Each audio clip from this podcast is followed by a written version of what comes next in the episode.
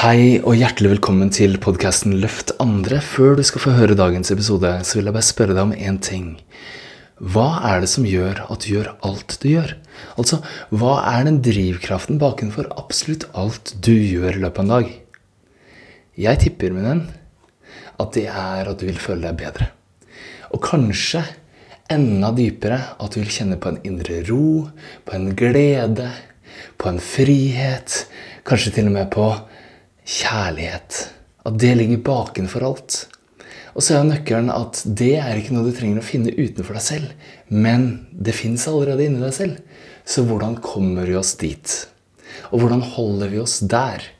Det utforsker jeg i en ettårig reise som jeg har kalt A Year of Surrender. Altså året hvor jeg overgir meg. Jeg slutter å stå i veien for den roen, den gleden, den friheten og den kjærligheten som jeg egentlig søker etter.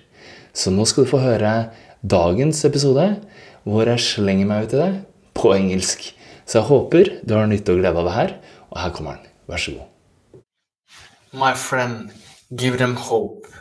They need you. They need you to be a light, a beacon of light, and give them hope. Because right now, the world is in crisis. And you know it, and I know it. And just now, the last few days, I've been traveling and I've been meeting up with friends from all walks of life and from all periods of my life. And they are in very different camps.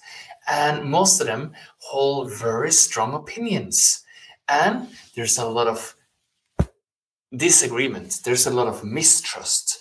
And can you trust the government these days? Can you trust the media these days? Can you trust the social media these days? And I also have a strong opinion on this, and I'll tell you why I think it's the best one. Because right now, the world needs you. It needs people of heart, it needs upliftment, it needs hope, it needs people of light. My name is Peter Svenning. I'm running a Leadership Art Master Coach program, and I just came off the call with them. And this is the strong message I told them, and I want to tell you. Right now, we don't need to go at war with each other. The world needs peace, and it starts within us. It starts with me recognizing my friend who has a very strong opinion on something. And instead of me going and being the contrary or agreeing, I can find what is the essence of my friend. What is the essence of me? And how can I serve the brotherhood? How can I give us hope that in these crazy, chaotic times, there is hope? Because I am love. I'm calm, I'm joy, I'm freedom, and I'm here to share it with you. And if you tap into who you really are and everything you have to give, the world is your oyster. You can have your dream, but you can uplift others. You can make a difference. And that's what's needed right now. In this turmoil, we need to step into that part of us, which is greatness, where we are love, where we can step out and be the change we want to see in the world. It is needed now more than ever. So, since this world is changing and a lot of people are desperate, they're without hope, they see darkness and they see conflict and mistrust, you are what they're longing for. You can use that natural ability of yours to see the good one, see the good, see the love, see the light in every situation, in every relation, and every person.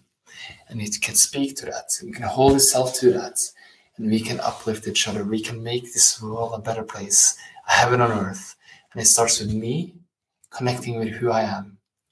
And then feeling the urge, the gifting of giving my love to you. And it starts with you saying, Yes, we are more than one. We are one, but different. And we get to serve and love each other and make this world a better place. If you do that, there's so many people now, and that means so much opportunity. Yes, I'm training coaches to succeed, to transform lives, and to enroll premium clients without hassle, without selling yourself. And some people think, oh, it's so much competition because there's so many coaches. You know what? There are so many struggling coaches. But if you get to that inner certainty and confidence that you can change lives, and you can speak to people and really get to the core of why they're mistrusting, why they're having all this hardship and trouble. you can guide them into that place in them, which is love, which is peace, which is joy and freedom.